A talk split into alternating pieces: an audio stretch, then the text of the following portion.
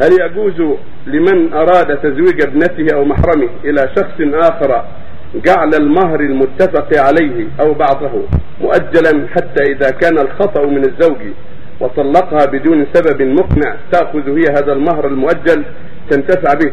لأن غالب الشباب في الوقت الحاضر لا يقدر أن, أن تساهلك معه هو تخفيف له بل يؤول ذلك إلى نقص في البنت أو أنه أحسن منهم جاها ونسبا وهل ورد في ذلك نص شرعي؟